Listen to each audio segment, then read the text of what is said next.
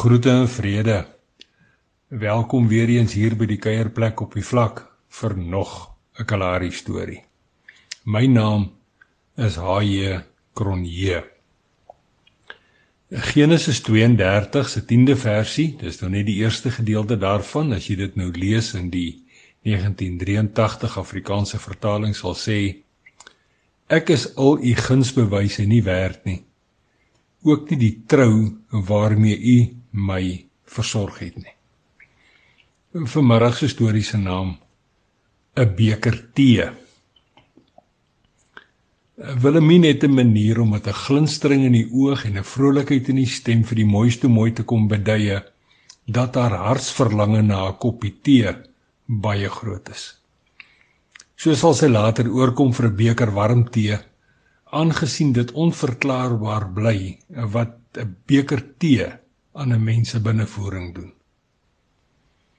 Met 'n warm teekie in die hand, kuier en lag die twee vriendinne gewoonlik in vroue taal met mekaar.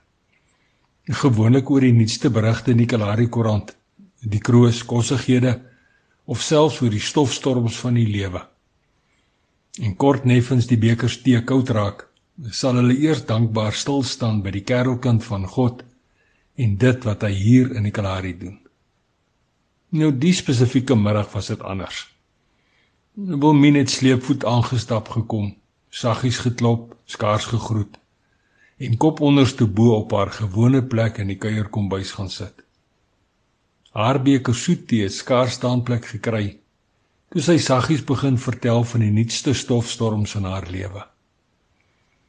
So hoor ons van haar eg en dis 'n vreeslike emosionele aftakeling wat sy die laaste klompie maande moes verduur. Gewoonlik loop dit met wynwysheid saam. En bedui sy skaam skaam haar egse drinkebroers en staan ook nie te ver terug in die slegseery nie.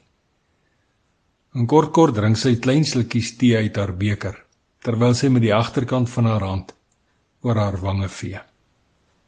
Maar sy wil min en al diep asem. As ek so 'n beker soet tee gevat het, voel dit vir my kompleet asof die kerelkind van God se oog net vir my raak sien. Dit is diep lekker en wie weet, dalk hou hy ook van tee. Hy drink en gesels dan saam.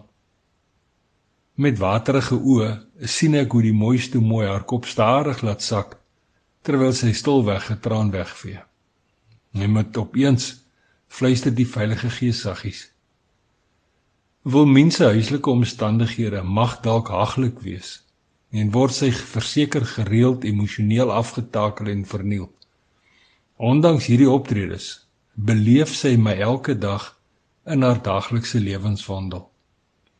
Sy ervaar my in dit wat sy hoor en sien of selfs ruik en proe. Wil min fokus nie so seer op die stofstorms in en om haar lewe nie, nee wat. Sy fokus eerder op die oorvloed van klein en kosbare belewennisse saam met my. Belewennisse soos om 'n beker soet tee in vrede en rustigheid saam met my te drink.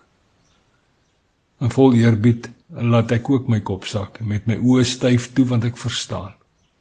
Ek verstaan waarom Willemien net soos hy Jakob van oud sal kan sê ek is nie al die gunste wat u vir u dienaar gedoen het werd nie.